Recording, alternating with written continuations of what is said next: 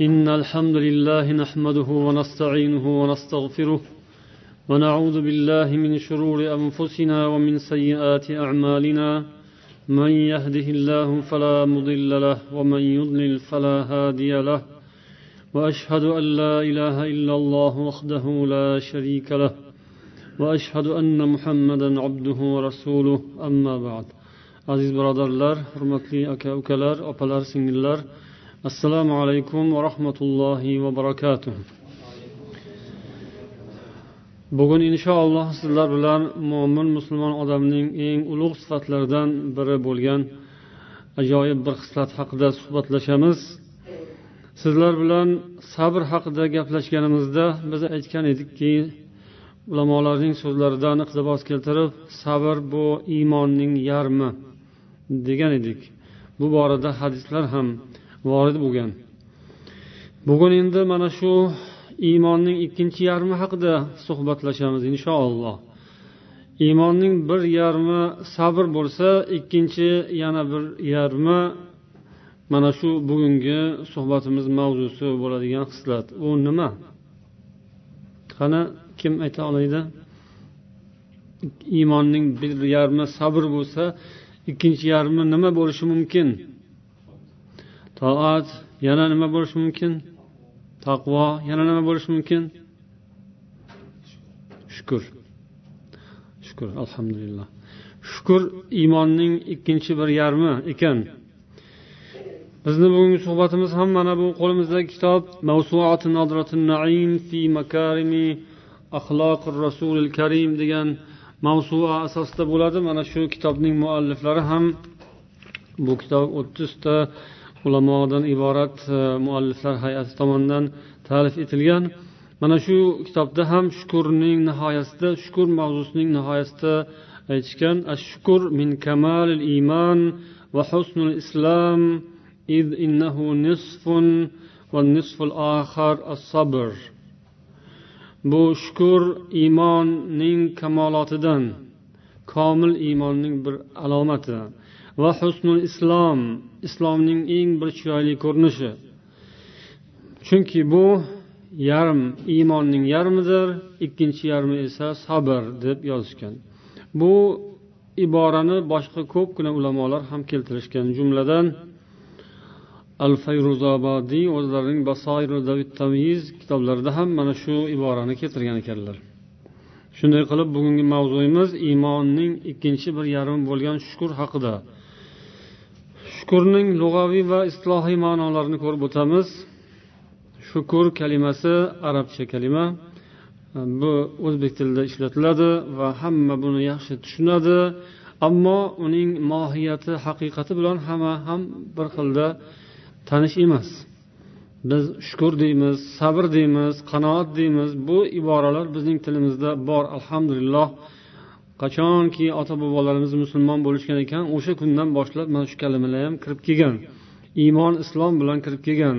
Shukur sabr qanoat kalimalari. Lekin buning zohiriy ma'nolarini yengilroq yuzaki ma'nolarini deyarli hamma biladi. Ammo uni chuqur atroflicha mohiyati bilan haqiqati bilan bilish esa albatta biroz vaqt talab qiladi harakat talab qiladi. Shukur shakara yashkuru kalimasidan olingan ya'ni shakara yashkuru fe'li uning mastari ashshukur buning ma'nosi tadullu ala sanai alal inson bima'rufin bu shukur kalimasi insonning qilgan yaxshiligi uchun maqtashni anglatadi.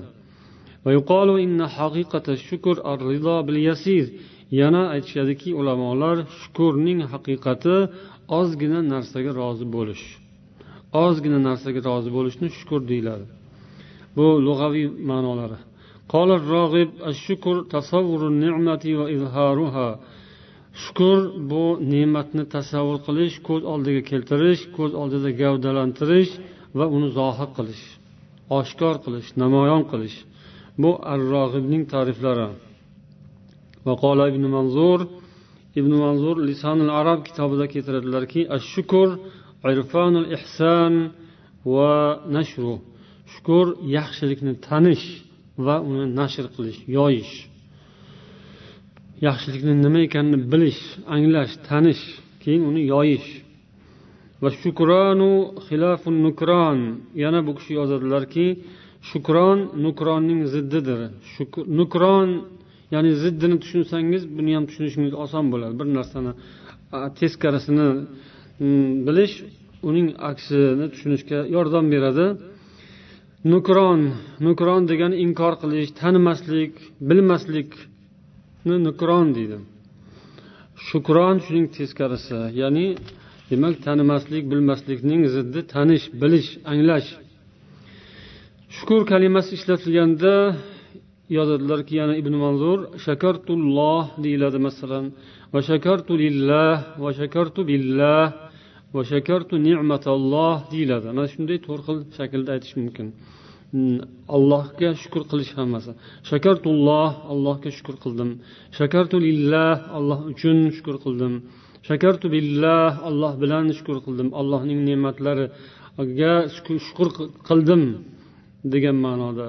allohning ne'matlari sababli shukur qildim shakartu ne'matalloh allohning ne'matiga shukur qildim degan iboralar qo'llanadi endi islohda qanday ma'no bildiradi shukur قال الكفوي الشكر كل ما هو جزاء للنعمة عرفا كفوي aytadilarki shukur bu ne'matga mukofot. Ne'matning har qanday mukofotini shukur deb aytiladi. Shukru minal abdi irfanul ihson bandadan shukur bu ehsonni bilish yaxshilikni bilish. Va minalloh al mujazatu va sanaul jamil. Alloh taolo tomonidan esa shukur bu mukofotlash va yaxshilik bilan zikr qilish maqtash. Demak shukur alloh taolo tomonidan ham bo'ladi shukur bandalar tomonidan ham bo'ladi. Munaviy aytadilar shukur ikki xil bo'ladi. Birinchisi til bilan shukur qilish. Bu yaxshilik qilgan ne'mat bergan zotga tashakkur aytish maqtov yo'llash. Ikkinchisi esa barcha a'zoyi badan bilan shukur qilish. Bu ne'matni o'sha qilingan yaxshilikni loyiq lozim darajada mukofotlash bilan bo'ladi. Va shakuru fi shukr. Shakur deganimiz shukurni bajo qilishda bajo etib ado etishda qo'lidan kelgancha harakat qiladigan qalbi bilan tili bilan va boshqa a'zoyi badanlari bilan e'tiqodan va e'tirofan e'tiqoddan kelib chiqqan holda va yaxshilikni e'tirof etgan holda shu ishlarni qilish ya'ni shakur deb shuni aytiladi. Qilingan yaxshilikning javobini qaytaradigan odam. وقال ابن القيم الشكر ظهور أثر نعمة الله على لسان عبده ابن القيم بكش ham shukurga ta'rif berib aytadilarki shukur bu allohning ne'matini bandasining tilida zohir bo'lishidir allohning ne'mati bandaning tilidan zohir bo'lishi kerak sanoan va atirofan maqtab va e'tirof etib وعلى قلبه شهودا ومحبة va insonning qalbida zohir bo'lishi unga inson guvohlik berib iqror bo'lib va shunga muhabbat paydo qilib va insonning a'zoyi badanlarida zohir bo'lishi allohga taslim bo'lib bo'ysunib unga toat qilish ko'rinishida demak ibn qayyimni ta'riflari e, hammasini o'z ichiga oladi desak ham bo'ladi. Shukur allohning ne'matini insonda uch jihatdan zohir bo'lishi tilida va qalbida va a'zoi badanlarida. Shu hammasi mutobiq muvofiq kelib keyin shukur paydo bo'ladi. Endi shukur kalimasi juda yam ko'p uchraydi qur'oni karimda hadislarda va bizning muomalamizda hayotimizda o'zaro munosabatlarimizda suhbatlarimizda jumladan shakur ismi bu haqda ozgina to'xtab o'tamiz ash shakur odamlarni o'rtasida ham bor odamlarga ham qo'yiladigan abdash shakur ism bor ash shakur allohning ismlaridan biri قال الإمام الغزالي الشكور في أسماء الله تعالى هو الذي مجازي يجازي بيسير الطاعات كثير الدرجات imom g'azzoliy aytadilar shakur degani allohning ismlaridan biri. Buning ma'nosi olloh shakur ya'ni ozgina toatlar sababidan ko'pgina darajotlar beradigan zot degani.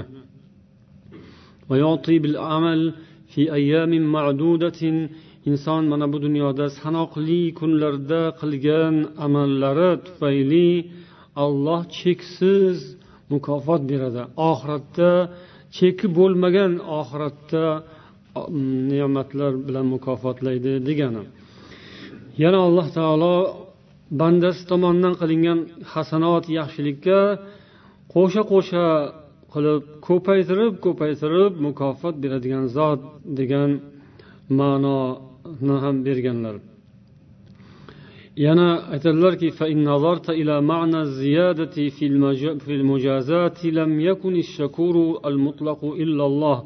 agar qilingan yaxshilikka berilayotgan mukofotdagi ziyodalikni e'tiborga olsangiz unda ashshakur deganda mutlaq shukrona qiluvchi mutlaq mukofotlovchi ollohdan boshqa hech bir zot yo'q ekaniga iqror bo'lasiz.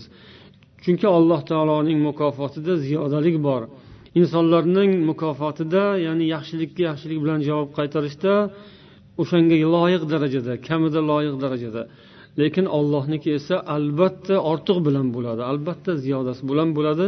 Shuning uchun haqiqiy shakur kim desa haqiqiy shakur olloh bo'ladi.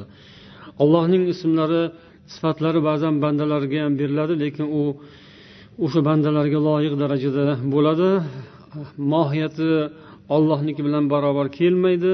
Ollohniki esa hech kimga hech narsaga o'xshamaydi. Mana shu jihatdan shakur ismi ham allohniki hech bir joyda hech bir kimsada hech bir maxluqda uchramaydigan darajada bo'ladi. Endi yana bir jihatidan qarasakki deydilar imom g'azzoliy sano ya'ni maqtashning holatiga maqtashga qaraladigan bo'lsa har bir yaxshilik qiluvchi odamni maqtagan paytimizda uni yaxshiligini maqtaymiz. Uni qilgan ishini uning fe'lini maqtagan bo'lamiz. Agar alloh taolo robb taolo bandalariga sano aytadigan bo'lsa ularni maqtaydigan bo'lsa haqiqatda aslida o'ziga maqtov aytgan bo'ladi o'zini maqtagan bo'ladi. Chunki olloh maqtayotgan bandaning ishining sohibi egasi yaratuvchisi kim? Ya'ni olloh shu yaxshi amalni bandasiga nasib etadigan olloh bandasi yaxshi amal qiladi ibodat qiladi solih amallarni olloh huzuriga taqdim qiladi. Olloh uni maqtaydi lekin aslida o'sha amalni olloh nasib etgani uchun qiladi. Agar olloh yozmasa olloh yaratmasa shu amalni u bandasi qilolmaydi. Bandaning o'zini ham uning amallarini ham olloh yaratgan. alloh taoloning sanosi yana qaytib allohning o'ziga boradi yana qaytib alloh taoloning o'zining zoti bu yerda ulug'lanadi deydilar yana ibn manzur ham bu borada aytadilarki معناه أنه يزكو عنده القليل من أعمال العباد allohning huzurida qilingan bandalarning ibodatlari ko'payib boradi ortib boradi o'sib boradi Va alloh ularga mukofotni ko'paytirib ato qiladi. Degan ma'no bor allohning shakur ismida. Allohning bandalarga bo'ladigan shukronasi shukuri ularni mag'firat qilishi va ularni ko'p ulug' mukofotlar bilan siylashidir. Bandaning shakur bo'lishi qanday bo'ladi? Bu haqda abdurahmon bin assadiy yozadilarki amma shakur min ibadillahi fahuva yajtahidu fi shukri robbih allohning toatida allohning shukronasida ko'p harakat qiladigan jiddu jahd ko'rsatadigan uning ibodatlarini chiroyli bajaradigan o'ziga yuklagan yuklatilgan vazifani astoydil bajaradigan insonni shakur deb aytiladi deydilar. Yana bu kishi allohning shakur ismiga ta'rif berib bandalardan qilingan ozgina amalga ko'pgina mukofot beruvchi zotdir degani deydilar shakurni. Bu kishining qo'shimchalari bu kishining yana bir aniqlik kiritgan joylari shuki al qalil yashkurul qalila min al amalil xolis nafi. Ozgina amal yuqorida ozgina amal deb o'tilgan. Bu yerda ozgina amalning tarifi keltirilgan. U ozgina amal qanday amal? Xolis amal naqiy amal nofi amal. Foydali bo'lsin toza bo'lsin xolis bo'lsin. Ozgina bo'lsa ham sozgina bo'lsin. Ana unga alloh taolo ko'pgina mukofot beradi. Ozgina ishni qilib qo'yib bo'ldi. Olloh aytgan yoki ulamolar aytishgan ozginasiga ham ko'pgina savob beradi. Shu ham yetadi bizga. Deyish emas. Balkim o'sha ozginasi qanchalik ixlos bilan bo'lganiga olloh qaraydi. Chin ixlos bilan bo'ldimi? Taqvo bilan bo'ldimi? Allohdan qo'rqqan holingizda bo'ldimi? Allohdan umid qilgan holingizda bo'ldimi? Bu narsalar hammasi e'tiborga olinadi. Agar shunday pokiza amal sizdan sodir bo'lgan bo'lsa ana unga alloh taolo ulkan mukofotlarni juda ham katta katta siylovlarni nasib etadi. Alloh taolo bandasiga bitta qilgan yaxshiligi uchun o'n barobar undan ham orttirib yetti yuz barobar xohlasa undan ham ko'proq cheksiz hisobsiz savoblarni mukofotlarni ato qilishi mumkin. Alloh taoloning bu shakur ismining taqozosi. Shakur bilan shokir ismining taqqoslagan o'rni bor. Bizning iboramizda ham keladi. Shokir deymiz shakur deymiz. Kitoblarda ham shunday. Shokir kim? Shakur kim? Man yashkuru ala raho yaxshilikka shukur qiluvchini shokir deyiladi deydilar munaviy va shakuru man yashkuru alal bala shakur esa balolarga shukur qiluvchini aytiladi subhanalloh. Balolarga ham shukur qilar ekan insonlar. Alloh ham barchamizni shunday haqiqiy shokiru shakur bandalardan bo'lishimiz nasib etsin. Demak shakurning ma'nosi kuchli. Yana aytildiki bu shukurning shokur va shakurning tarifida shokir degani atoga shukur qiluvchi ya'ni berilgan inom qilingan ehson qilingan hadya qilingan yoki berilgan yaxshilikka shukur qiluvchi berilgan qilingan yaxshilikning qadriga yetuvchini shokir deydi. Shakur esa berilmaganiga shukur qiladi. Man qilinganiga to'xtatib qo'yilganiga to'sib qo'yilganiga shukur qiladiganni shakur deyilar ekan. Subhanalloh. Bunaqasi ham bor. Bermasa bersa shukur qilishni hamma tushunadi. Lekin bermasa shukur qilishni ham tushunamizmi? Bermasa shukur qiladimi? Bermasa shikoyat qilmaydimi? Bermasa janjal qilmaydimi? Bermasa ham shukur qilsa keyin u shakur bo'lar ekan. Mashaalloh endi shukurni iymon bilan aloqasi haqida to'xtaladilar mualliflar. Manzilatu shukr minal iymon va sanoillahi ala shakirin.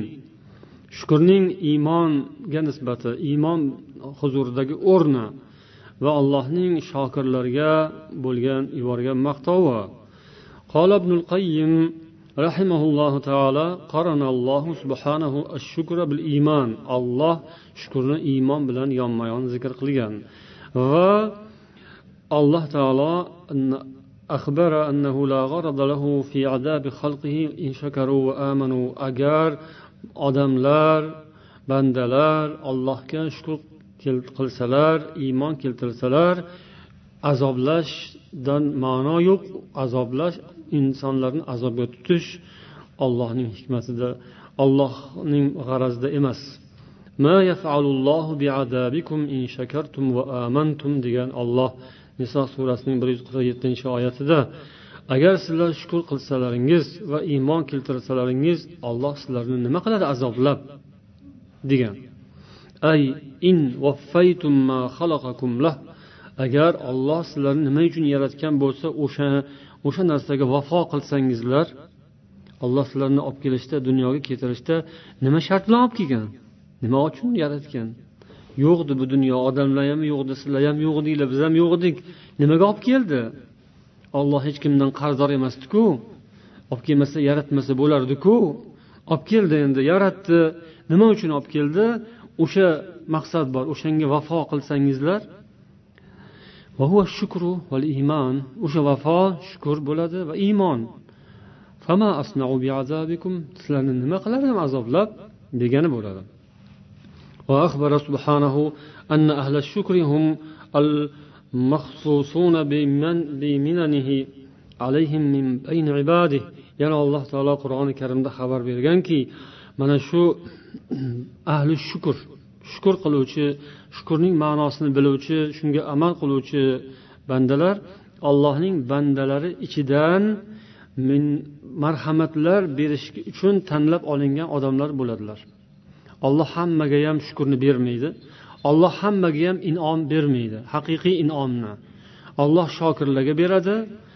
Alloh taolo mm, ne'matlarni berish uchun shokir bandalarni tanlab oladi. tanlab olinishi o'sha ne'matlarni berish uchun bo'ladi. Alloh taolo aytganki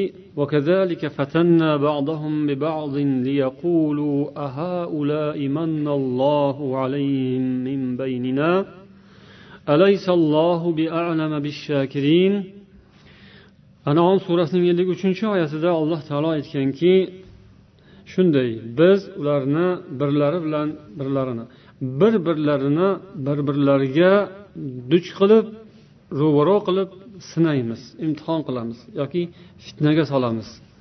Ya'ni fitnaga solish imtihon qilish sinash.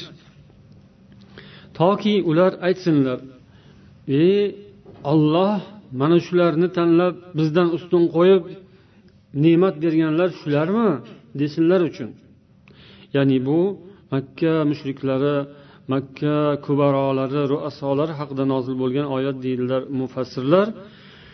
Makka mushriklari yoki kofirlar qarashsa iymon ahli islom ahli ko'proq kambag'allar zaiflar bo'lyaptilar.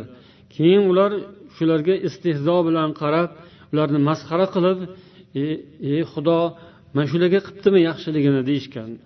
Alloh taolo bizni ichimizdan shularni tanlab olibdimi? Ollohni tanlab olganlar shular bo'ldimi endi olloh kelib kelib shularni tanlab olar ekanmi ular ollohni yo'q demasdi ollohni bor deyishardi allohga ishonishardi olloh borligini ularga iqror bo'lishardi. Lekin iymon keltirmadilar. Rasululloh sollallohu alayhi vasallamni tasdiq qilmadilar. U kishiga iymon keltirib olloh ko'rsatganday yo'lga o'tmadilar va o'zlarining yo'llari bilan allohga ibodat qilyapmiz deydilar deb aytadilar. Ya'ni butlarga sig'inib butlarimiz orqali biz allohga yetishamiz deyishardi.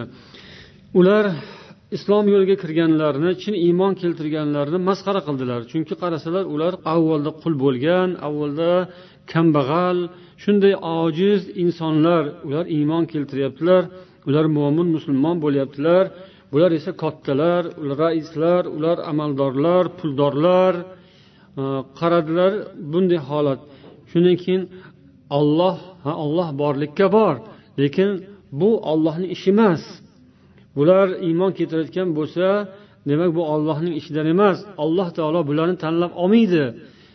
Kelib kelib shu pastlarni tanlaydimi olloh tanlaydigan bo'lsa? Mana shunaqa insonlarni tanlar ekanmi? Yo'q unday bo'lishi mumkin emas deb ular rad etardilar inkor qilardilar masxara qilardilar. Shuning ziddiga shuning raddiyasiga olloh bu oyatni nozil qilgan va oyatning oxirida olloh aytadiki alaysallohu olloh shukur qiluvchilarni o'zi yaxshiroq biluvchi emasmi? Mana qarang. Bu yerda nuqta qayerda? Asosiy e'tibor hozir mavzumizga bog'liq bo'lgan nuqtasi olloh shukur qilguvchilarni o'zi ulardan ko'ra o'zi biluvchiroq emasmi? Olloh o'zi biladi. Kimni biladi? Shukur qiluvchilarni biladi. Bu insonlar ko'rinishdan past tabaqa oddiy insonlar bo'lsalar ham ana ularga o'xshagan puldor amaldor siyosatdor hukmdor bo'lmasalar ham oddiy insonlar bo'lsalar ham bularda ana ularda yo'q bo'lgan narsa bor edi. O'shaning uchun olloh bularni tanladi alloh shularga inomini ato qildi shularni xosladi inom bilan. Haqiqatdan bandalarni o'rtasidan olloh tanlab oladi. Hammaga barobar yoyilmaydi. Hammaga barobar yoyadigan ne'matlari ham bor. Xoslab tanlab tanlab tanlab tanlab beradigan ne'matlari ham bor. Bu iymon ne'mati islom ne'mati ana shunday. Tanlab tanlab tanlab beradigan ne'mat. Non ne'mati ovqat ne'mati pul ne'mati mansab ne'mati hayot ne'mati yoshlik va hokazo va hokazo. Bu hammaga sochib yuboradi alloh taolo. Xuddi e, xuddi hisob qilmayotgandek lekin hammasini hisobi bor. Ammo kofir musulmonga beradigan barobar tarqatilaversa bo'ladigan ne'mati u. lekin tanlab tarqatiladigan ne'mati mana bu. Uni ham o'sha kofirlar angladilar bildilar va aytdilarki kelib kelib shularga berar ekanmi? Olloh beradigan bo'lsa bizga berardi deyishdi. Olloh aytdiki nima olloh bilmaydimi? Sizlardan ko'ra biluvchiroq emasmi? Sizlar bilasizlarmi? Olloh kimga berishini? Olloh shukur qiluvchilarni bilmas ekanmi? Olloh kim haqiqiy shokir ekanini olloh biluvchi shuning uchun o'zi bilib beruvchi dedi. Ya'ni bu allohning ne'matiga iymon ne'matiga islom ne'matiga musharraf bo'lgan odamlar allohga shukur qiluvchi odamlar. Ularning qalbida shukur bor ularning tilida shukur bor ularning amalida shukur bor. Ular a'zoyi badal bilan ham shukur qiladigan odamlar. Shuning uchun olloh ularni tanlab berdi. Ya'ni iymon ularda iqror haqiqiy allohga taslim bo'lish bo'lgani uchun alloh ularni iymonga islomga hidoyat qildi. Qalblarini ochib qo'ydi shu yoqqa. Rasuliga ergashtirib qo'ydi. Islomni chiroyli ko'rsatib qo'ydi. Iymonni chiroyli ko'rsatib qo'ydi. Sababi nima ekan? Sababi shukur ekan. Qarang. Shukur bilan iymon shunday chambarchas bog'liq. Yana mualliflar yozishadiki alloh taolo juda ko'p o'rinda shukur bilan kufrni yonma yon qo'ygan muqobil qilib qo'ygan. Shukurni zikr qilganda kufrni ham zikr qilgan shokirni zikr qilganda kofirni ham zikr qilgan. Ikkalasini qarama qarshi muqobil mutobiq ravishda zikr qilingan o'rinlari ko'p.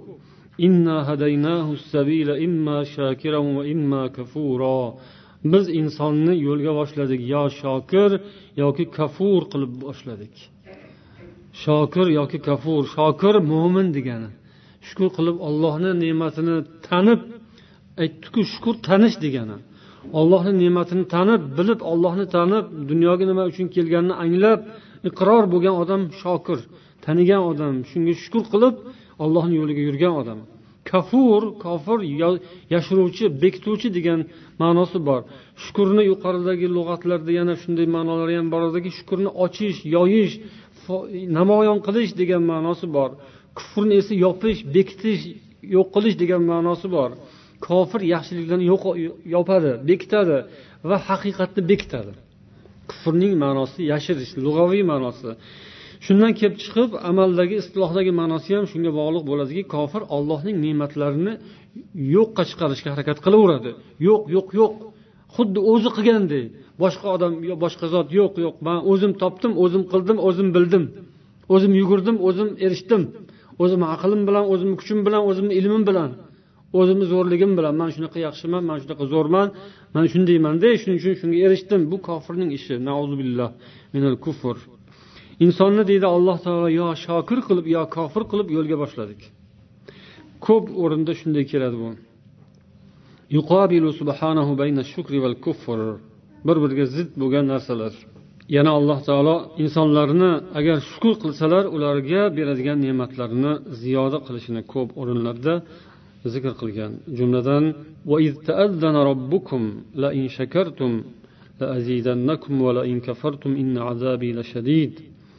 eslang robbingiz e'lon qildi. Agar sizlar shukur qilsalaringiz sizlarga ne'matlarimni albatta ziyoda qilaman. Agar kofir bo'lsalaringiz mening azobim nihoyatda qattiqdir deydi. Minal azab minal kufr. Allohimma min ahli shukr. Alloh taolo o'zining mukofotini ko'p o'rinda mashiatga bog'lagan deydilar. Ya'ni olloh xohlasa beradi deb.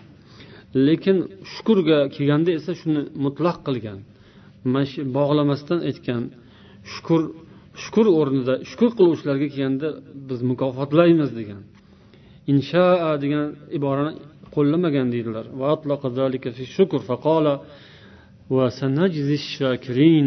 Biz shokirlarni yaqinda albatta mukofotlaymiz deydi oli imron surasida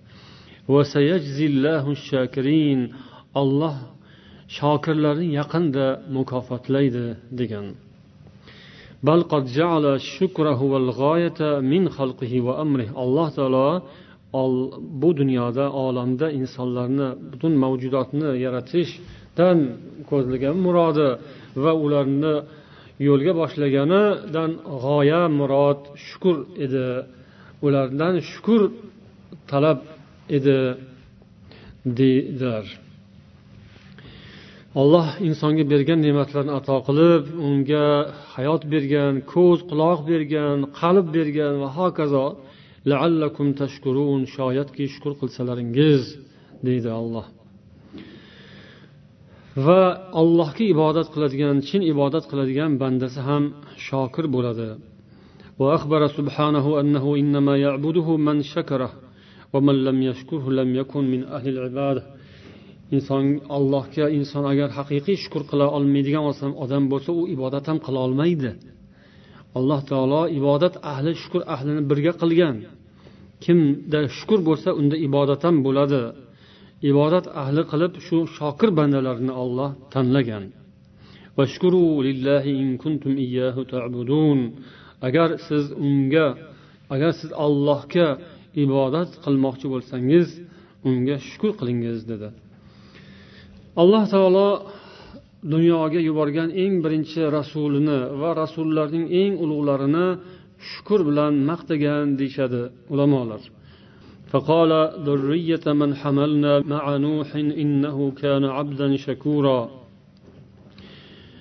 ey nuh bilan birga kemada bo'lganlarning zurriyotlari deb alloh taolo xitob qilgan ya'ni banu isroilga bo'lgan xitobi ekan u nihoyatda shokir shakur banda bo'lgan edi deb alloh nuh payg'ambarni maqtagan yana ibrohim alayhissalomni ham alloh taolo maqtaganda shukur iborasini qo'shib maqtaganini aytishadi va qur'oni karimda faqat mana shu ikkitagina payg'ambarga olloh maqtov yuborgan paytda shukur kalimasini qo'llagan deyishadi. Eng ulug' payg'ambarlar nuh to'qqiz yuz ellik yil mashaqqat bilan azobi uqubatlar bilan odamlarni iymonga islomga da'vat qildilar. Qancha qiyinchiliklarni ko'rdilar. Rasullarning eng avvali deyishadi ya'ni yer ahliga olloh yuborgan elchilarning birinchilari nuh alayhissalom. Va u kishiga bo'lgan maqtov boshqa payg'ambarlarga emas faqat ibrohim alayhissalom bilan nuh alayhissalomga alloh taolo maqtov yuborganda shukur kalimasini qo'lladi. Ya'ni innahu kana abdan shakura dedi. Nuh alayhissalom haqlarida isro surasi uchinchi oyatda. Nahl surasining bir yuz yigirma birinchi yigirmanchi bir yuz yigirma bir yuz yigirma birinchi oyatlarda esa ibrohim alayhissalomni olloh maqtagan shunda shakiran li anumih degan. Allohning ne'matlariga shukur qiluvchi edi degan. Boshqa payg'ambarlar shukur qilishmaganmi unday emas hamma payg'ambarlar shokirlarning eng avvalida turishadi. Lekin shu shukur bobidagi namuna eng yuksak cho'qqi sifatida olloh bu ikkita payg'ambarni misol qilib namuna qilib keltirdi. Yana aytishadiki alloh qur'oni karimda insonga qilgan birinchi vasiyati shukur bo'ldi. Ya'ni luqmon surasida insonga biz vasiyat qildik deb zikr qilgan oyatida olloh birinchi vasiyat nima desa shukur degan so'zni zikr qilinadi حملته أمه وهنا على وهن وفصاله في عامين أن اشكر لي ولوالديك إلي المصير biz insonga vasiyat qildik nasihat qildik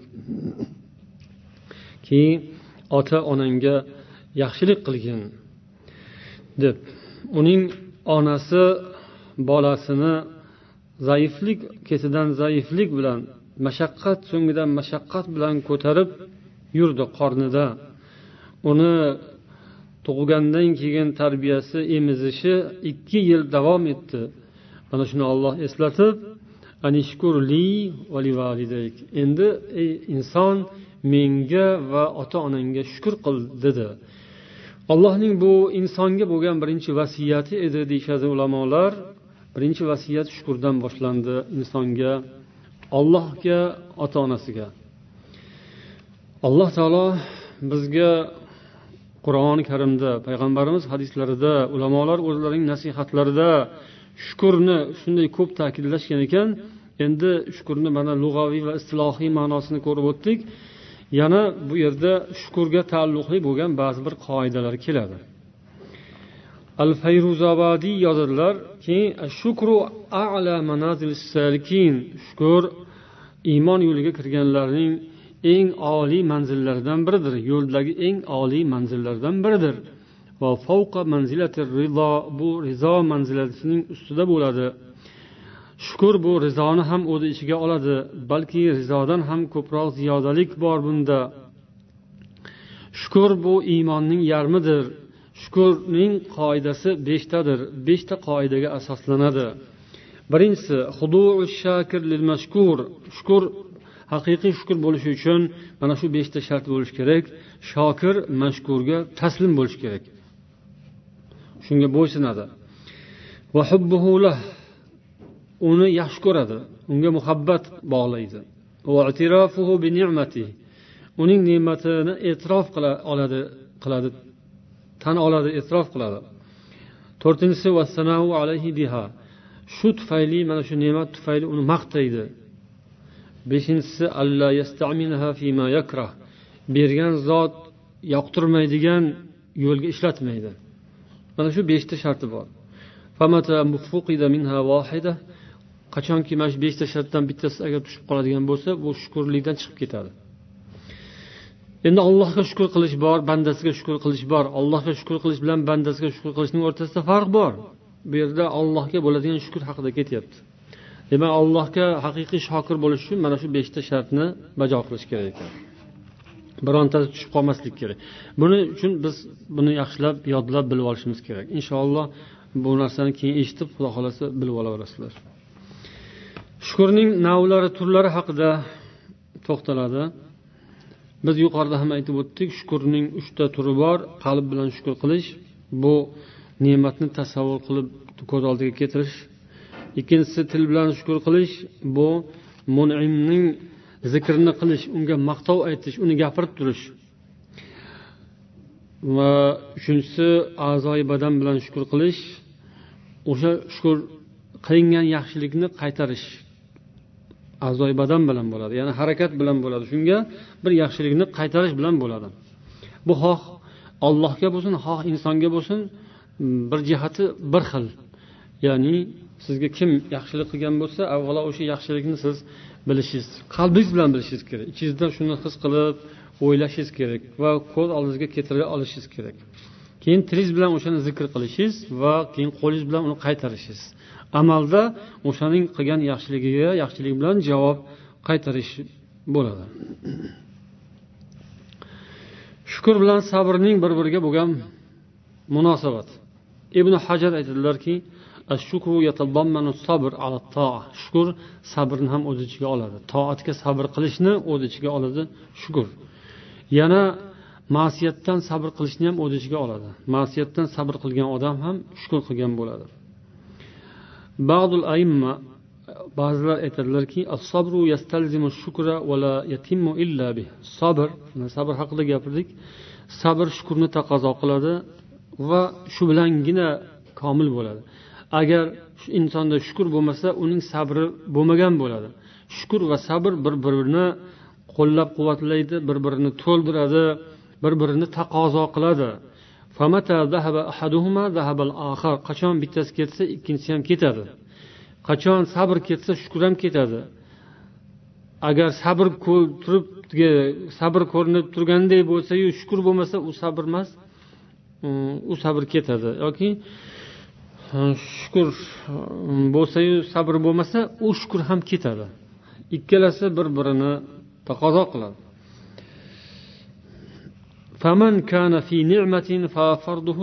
Kimki ne'mat ichida yashayotgan bo'lsa uning ustidagi farz nima?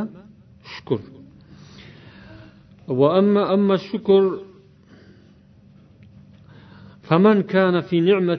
kimki ne'mat ichida yashayotgan bo'lsa uning e, zimmasidagi farz shukur bilan sabr. Ham shukur ham sabr. Endi odam so'rashi mumkin ne'matga shukur tushunarli narsa. Lekin sabrni qanday tushunadi? Nima uchun sabr qo'shildi bu yerda? Amma shukru favodih shukur tushunarli. Amma sabr ma'siyat. Sabr esa ma'siyatdan tiyilish kerak. Ya'ni ne'mat ichida yashayotgan odamni ma'siyat qilishi oson. Gunohga qo'shni turadi u. Yonma yon turadi. Gunohni oldida turadi. Ne'mat ichida turgan odamni oldida gunoh ham turadi. Kirib ketishi mumkin. Kimki balo ichida yashayotgan bo'lsa uning zimmasidagi farz sabr va shukur. Narigisiniki shukur va sabr edi bunisiniki sabr va shukur. Ammo sabr sabr qilish tushunarli. Ya'ni balo ichida ofatlar musibatlar mashaqqatlar ichida yoki falokat ichida qolgan bo'lsa sabr qilish lozim degan narsa tushunarli. Lekin shukur nimaga? Nimasiga shukur qiladi?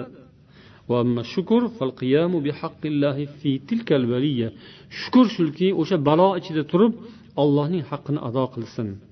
Alloh taoloning haqqini ado qilish bu shunga qodir bo'lsa shunga shukur qilsin. O'sha alloh taoloning bandasi mo'min musulmon iymon hayot hali shukur qiladigan narsa juda ko'p. O'sha yerda balo ichida yashayotgan bo'lsa ham lekin allohning ne'matlaridan butkul uzilgani yo'q. Uning uning hayoti uning iymoni islomi nafasi tirikligi va hokazo yana uning atrofida uzoq yaqindagi boshqa ne'matlari bor. O'sha narsalarga shukur qilsa arziydi hali ko'p shukur qilish kerak demak.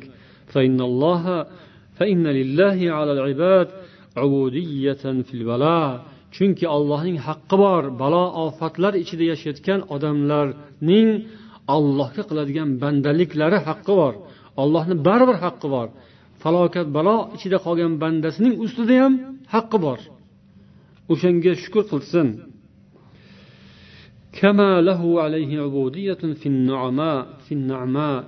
Ne'matlar ichida yashayotgan insonning ustida allohning haqqi bo'lgani kabi. Buni ustida ham buni ustida ham allohning haqqi bor. Yaxshiliklar sinovi. Yaxshiliklar sinovi qanday? Kasir ibn kasir aytadilarki allohning kalomi fitna. Biz sizlarni yaxshilik bilan va yomonlik bilan fitna qilamiz. Sinaymiz.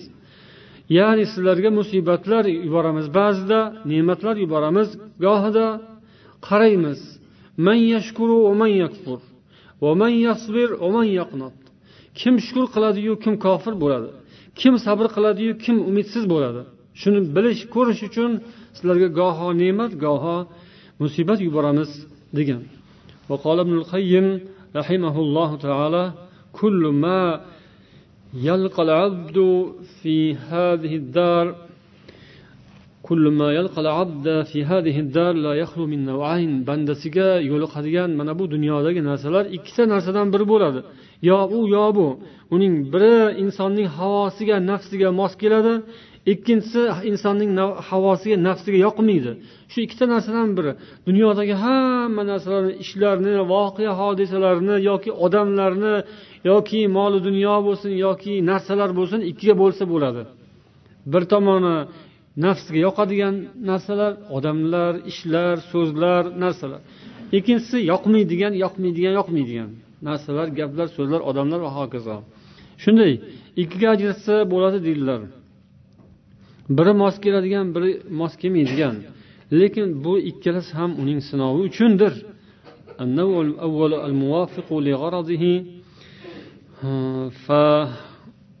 Buning misoli deydilar masalan sog'lik salomatlik mansab martaba obro' muboh lazzatlar va hokazo bu mana shunday holatda turganda albatta inson sabrga muhtoj bo'ladi. Ya'ni nafsiga yoqadigan narsalar ichida yashayotgan bo'lsa inson sabrga eng ko'p muhtoj bo'lib turgan payti bo'ladi va buning to'rtta jihati bor deydilar. Ya'ni sabrla sabr bilan mustahkam bo'lib olish kerak. Inson nafsiga yoqadigan narsaga musharraf bo'lganda nafsiga yoqadigan narsalarga erishganda qo'lga kiritganda qattiq sabr qilishi lozim. Chunki uning sababi to'rtta. Birinchisi o'sha narsaga mag'rur bo'lib ketmasin. Shundan sabr qilsin.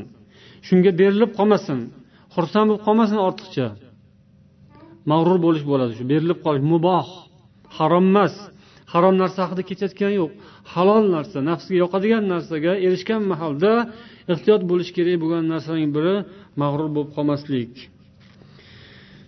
ولا تحمله على البصر والأشر والفرح المذموم. mana shu o'rinda mag'rur bo'lib qolishda olloh yomon ko'radigan xursandlik bor olloh yomon ko'radigan xursandlikka tushib qoladi ba'zi odam muboh ishda halol ishda pokiza narsaga yetgan mahalda ortiqcha haddan ziyoda xursand bo'lib ketadi judayam o'zidan ketib qoladi aytishadi sal taltayib qolibdi deydi ya'ni halol pokiza ishlarda sal o'zini yo'qotib qo'yish va al farahil mazmum olloh yaxshi ko'rmaydigan qoralanadigan xursandlik.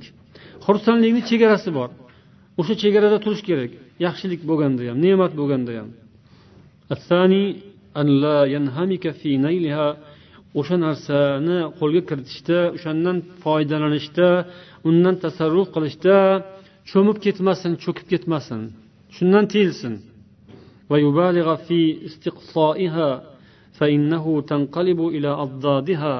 Agar u shunaqa berilib ketadigan bo'lsa muboh ne'matlarga teskarisiga aylanib qoladi. Shundan ehtiyot bo'lsin.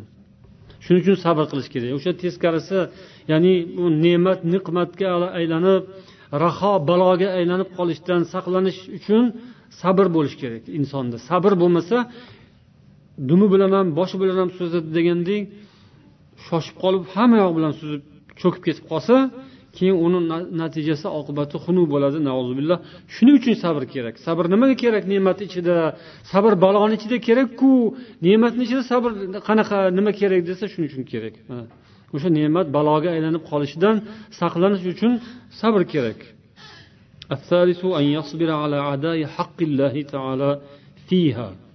O'sha ne'matni ichida ollohning haqqini ado etishga sabr qilsin. Haqiqatdan ham ne'matda turib ollohning haqqini ado etishga sabr qilolmaganidan ko'p odam baxil bo'lib oladi ko'p odam mumsik bo'lib oladi yoki ko'p odam toatdan ibodatdan solih amallardan yaxshi ishlardan chetda qolib ketadi. Har xil bahonalarni qilib o'zini sekin chetga olib ya mani o'zim qiladigan ishim bor o'zim bilaman manga aql o'rgatmang manga emas bu gap anularga manavilarga maniki boshqa deb u odam ollohning haqqini ado etishdan mahrum bo'lib qoladi. Shundan sabr qilish kerak. Ne'mat ichida yashayotgan odam ya'ni bu ham shukur ham sabr. Haromga sarflab yuborishdan sabr qilsin tiyilsin. Chunki deydilar nafsini hamma xohlagan narsasiga qo'yib bermasin.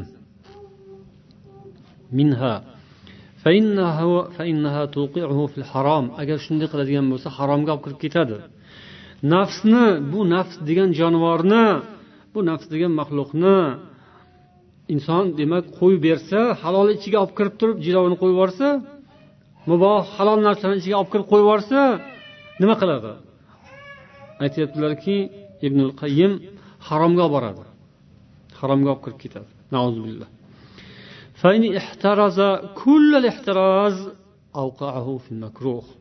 Agar rosayam jilovini mahkam ushlasachi rosayam qattiq ushlab nihoyatda ehtiyot qilsa nima qiladi unda makruhga olib kiradi baribir olib kiradi nafs makruh ishlarni qildiradi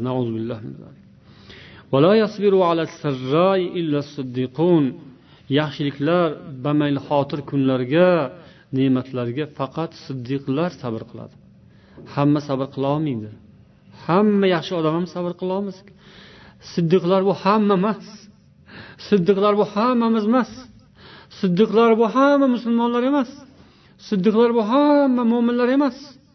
Mo'minlar ichida tanlanganlar musulmonlar ichida tanlanganlar allohga yaqin insonlar siddiq rostgo'y odamlar haqiqatan rostgo'y odamlar. Gapida turadigan qalbidagini amalda qila oladigan niyatini amalga oshira oladigan dili bilan tili bir so'zi bilan ishi bir doim bir xilda turadigan yaxshi kunda ham qattiq kunda ham bir xilda turadigan odam haqiqatdan oson emas yengil emas lekin qilsa bo'ladigan ish qilib bo'lmaydigan ish ham emas qilsa bo'ladigan ish olloh nasib etsa bo'ladigan ish olloh o'zi hammamizga shunday nasiba ato qilsin siddiqlikdan قال بعض السلف البلاء يصبر عليه المؤمن والكافر balo shunaqa narsaki bunga mo'min ham sabr qila oladi kofir ham sabr qila oladi ofiyatga kengchilikka yaxshilikka esa faqat siddiqlar sabr qiladi وقال عبد الرحمن بن عوف رضي الله عنه ابتلينا بالضراء فصبرنا عبد الرحمن بن عوف رضي الله عنه aytgan ekanlar biz og'ir kunlar bilan sinaldik sabr qildik. Keng farog'atli kunlar bilan sinaldik sabr qila olmadik deganlar. Shuning uchun alloh taolo insonlarni deydilar mana bu mualliflar mol fitnasidan ogohlantirgan. Azvoj juft halollar bilan fitnasidan ogohlantirgan. Avlod bolalar fitnasidan ogohlantirgan.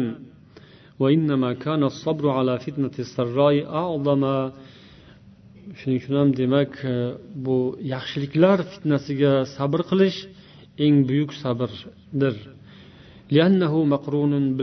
Chunki qudrat bilan birga bo'ladi bu. Ya'ni qudrat xohlaganingizni qila oladigan holatda turgan bo'lasiz.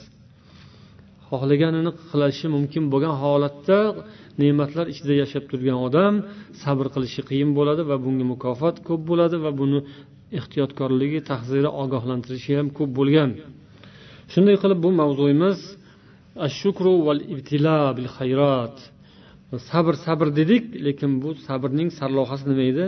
Shukur edi. Ya'ni shunda shukur bo'ladi. Ne'matlarga shukur qilish shu ne'matni ichida yashab turib uni to'g'ri tasarruf qilish va noto'g'ri yo'llardan o'zini tiyib turish bu shukur bo'ladi.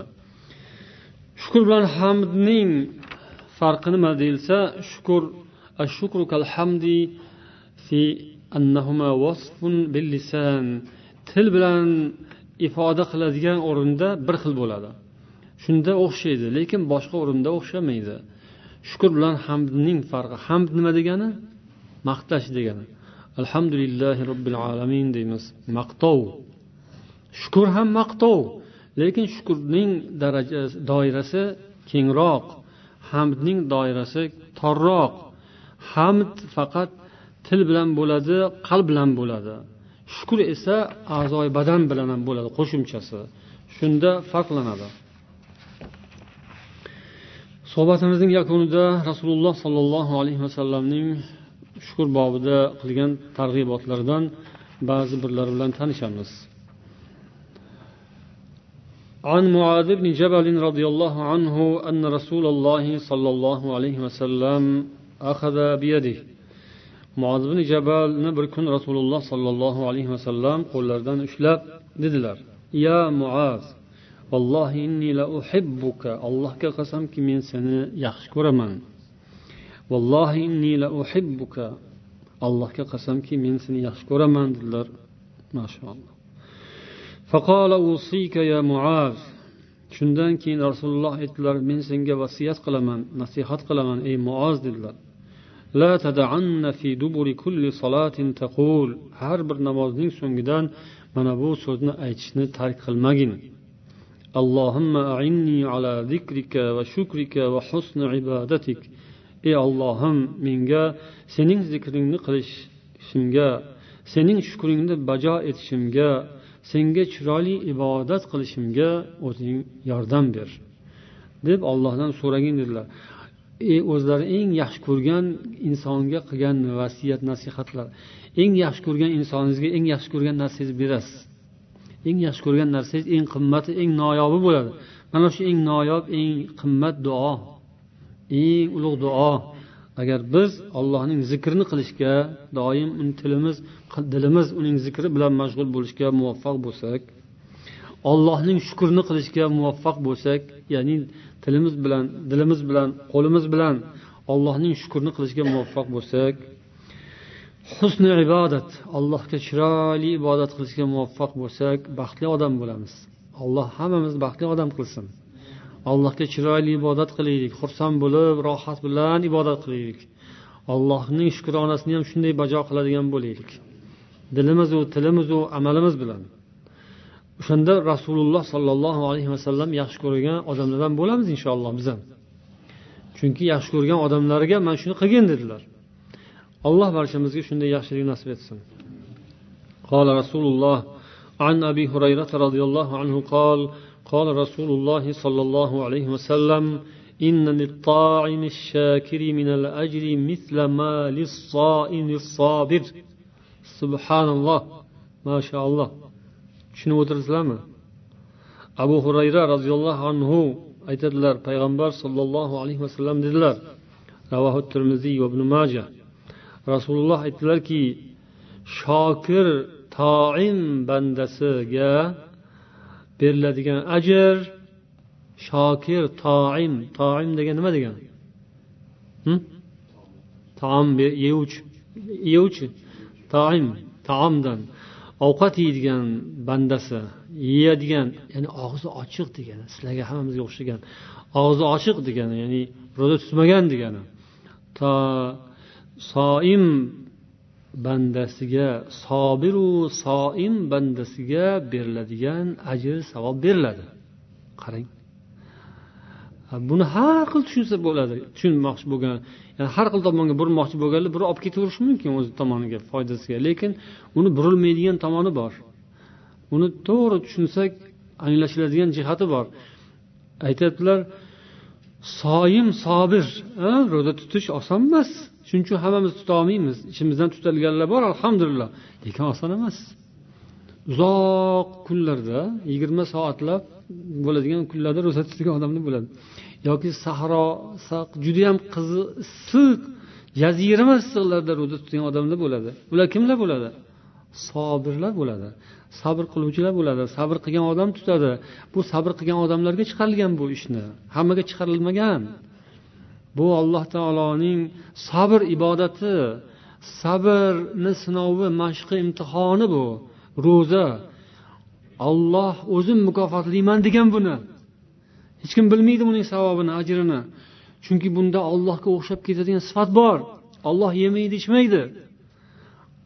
Surada shunday ulug' judayam maqtovi maqtov maqtovi tarifi tarifida til ojiz bo'lgan ibodat bu. Bunda sabr bor bunda hikmat bor. Endi qarang endi qarang. Mana shunga teng keladigan amal bormi? La lahu. Unga teng keladigan yo'q deganlar payg'ambar. Manga bir amal o'rgating jannatga kiradigan bo'layin deganlarida ro'za tutgin la illallah ro'za tutgin unga teng keladigan hech narsa yo'q deganlar. Mana bu yerda esa mana shuncha mana shuncha mana shuncha gaplardan keyin shokirga berilishi mumkin dedilar. Ya'ni ro'za tutmagan lekin shokir bo'lsa ana shuncha tarifida hali ancha davom etish mumkin bo'lgan amalga beriladigan savob ajr beriladi. Subhanalloh mashaalloh shunaqami? Bu nima degani? Voy oson ekanku shunaqami? Yo'q oson emas. Shuning uchun shunaqa. Shukur qilish o'sha ro'za tutishdan ham ko'ra qiyin. Shukur qilish o'shanday qiynalib mashaqqat chekib yigirma soatmi yigirma ikki soatmi yoki sahroda yoki jazirama issiqda qiynalib ro'za tutgandan ham ko'ra qiyinroq. Shukurli bo'lish shokir bo'lish qalb bilan bu shukur haqida hali gap judayam ko'p birodarlar.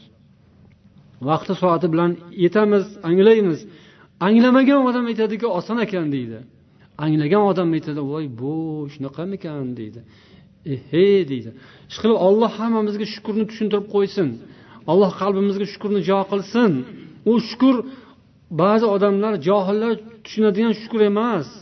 Bu shukur alohida olloh va payg'ambar aytgan shukur bu iymon bu.